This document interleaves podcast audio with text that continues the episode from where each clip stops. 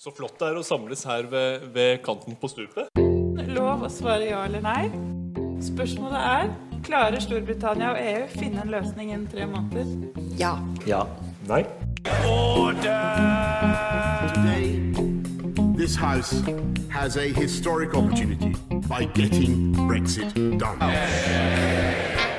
Brexit er best på Radio Nova. Opplysningen 99,3.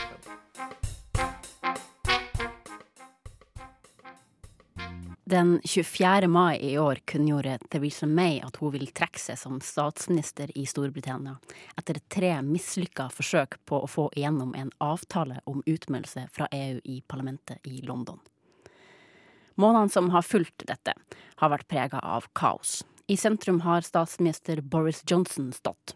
I dette innslaget, laga av meg, Mathilde Israelsen, gir vi det en oppsummering av de viktigste hendelsene i prosessen mot en eventuell brexit de siste seks månedene.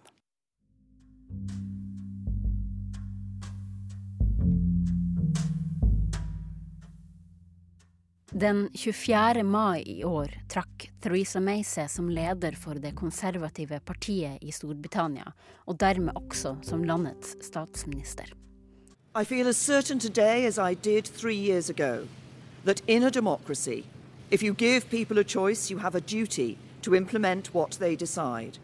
Sadly, I have not been able to do so. I tried three times. Valget om å trekke seg ble tatt etter at hun tre ganger på rad hadde mislyktes i å få gjennom sin avtale om utmeldelse fra Den europeiske union gjennom parlamentet. Mr. Jeremy Corbyn. Thank you, Mr. Speaker. The government has been defeated again by an enormous majority, and they must now accept their deal, their proposal, the one the Prime Minister has put, is clearly dead and does not have the support of this House.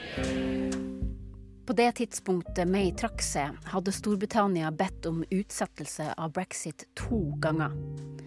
Den opprinnelige utsettelsen var fra den 29. mars 2019. På denne dagen var det to år siden statsminister May hadde formelt informert EUs statsledere om Storbritannias intensjoner om å forlate unionen. A few minutes ago in Brussels, the United Kingdom's permanent representative to the EU handed a letter to the President of the European Council on my behalf, confirming the government's decision to invoke Article 50 of the Treaty on European Union. The Article 50 process is now underway, and in accordance with the wishes of the British people, the United Kingdom is leaving the European Union. To år viste seg imidlertid å ikke være nok tid. Dragkampen mellom de britiske parlamentspolitikerne resulterte først i en utsettelse til 12. april 2019, og så igjen en utsettelse til 31. oktober 2019. Den ekstra tida har imidlertid ikke gjort prosessen enklere. Etter at May trakk seg, ble det avholdt valg på en ny leder av det konservative partiet, der Boris Johnson til slutt sto igjen som vinner. Johnson har i mange år vært en svært kontroversiell figur, og det faktum at det bare var medlemmer av det konservative partiet som fikk stemme han frem som statsminister, forsterka hans kontroversielle posisjon. Og Om brexit-prosessen var kaotisk fra før, bidro ikke Johnson til å rydde opp i dette kaoset.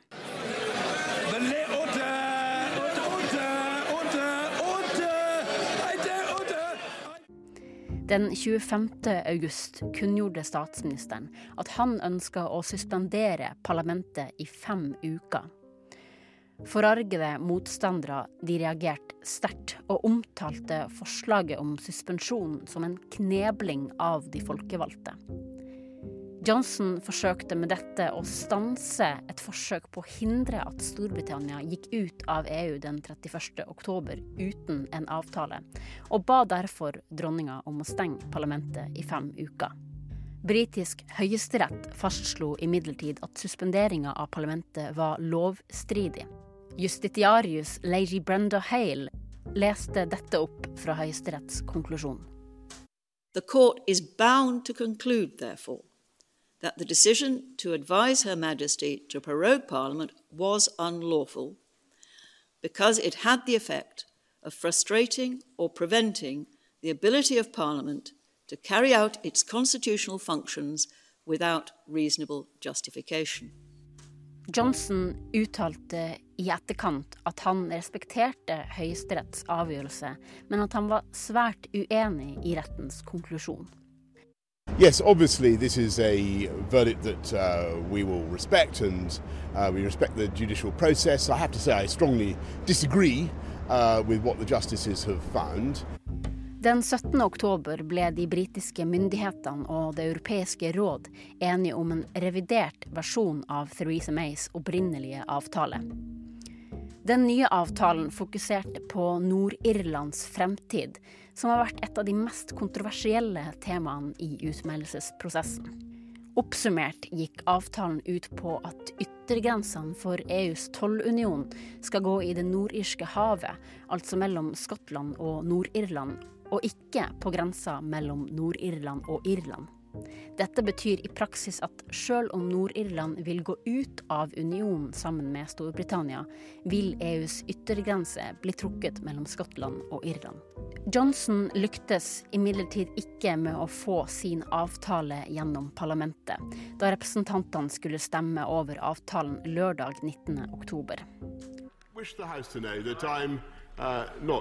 Daunted or dismayed by this particular result, and uh, I think it probably it probably became likely once it was obvious that the amendment from the uh, my my right honourable friend, uh, the member for West Dorset, was going to remain uh, on the order paper. I, I continue in the very strong belief that the best thing for the UK and for the whole of Europe is for us to leave with this new deal on October the 31st.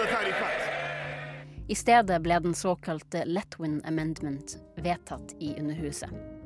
Endringsforslaget, som ble fremma av sir Oliver Letwin, ville forhindre at Johnsons avtale med EU ble vedtatt i parlamentet før et lovverk som muliggjør å faktisk gjennomføre denne avtalen, kalt The EU Withdrawal Bill, ble vedtatt i parlamentet.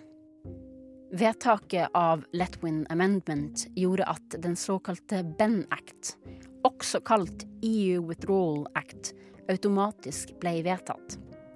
Denne loven påla Boris Johnson og hans regjering om å be EU om en ytterligere utsettelse av brexit til 31. januar 2020. Hovedformålet med Benact var å forhindre at myndighetene tok Storbritannia ut av EU den 31. oktober uten en avtale.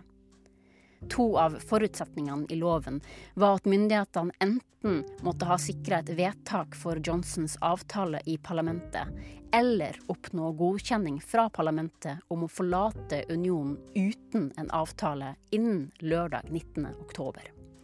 Dersom disse forutsetningene ikke ble møtt, ble statsministeren automatisk pålagt å be om en utsettelse. Johnson nekta i utgangspunktet å gjøre dette.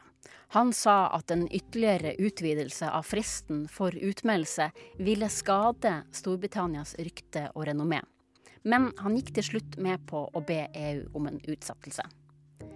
Dette ble gjort gjennom tre ulike brev. Det første var et formelt brev som ba EU om en utsettelse. Så ble det sendt et nytt brev, der Storbritannias representant til EU, Tim Barrow, understrekte at det første brevet var sendt fra det britiske parlamentet, og ikke de britiske myndighetene. Det tredje brevet var fra Boris Johnson sjøl, som understrekte hans sterke motstand mot en utsettelse, og ba innstendig om at EU ikke skulle gå med på parlamentets ønske om å utsette brexit til 31.1.2020.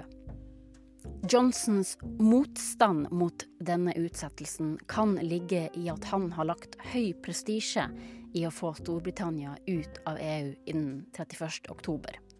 Om Johnson skal få muligheten til å ta Storbritannia ut av EU, er nå usikkert. Etter mye om og men har parlamentet kommet fram til at det skal holdes nyvalg den 12. desember i år. There is only one way to get Brexit done in face of this unrelenting parliamentary obstructionism. This endless, willful, fingers crossed, not me, Gov refusal to deliver on the mandate of the people, and that is, Mr. Speaker, to refresh this Parliament and give the people a choice. Det gjenstår dermed å se om det er Johnson og de konservative som sitter ved spakene etter den 12. desember.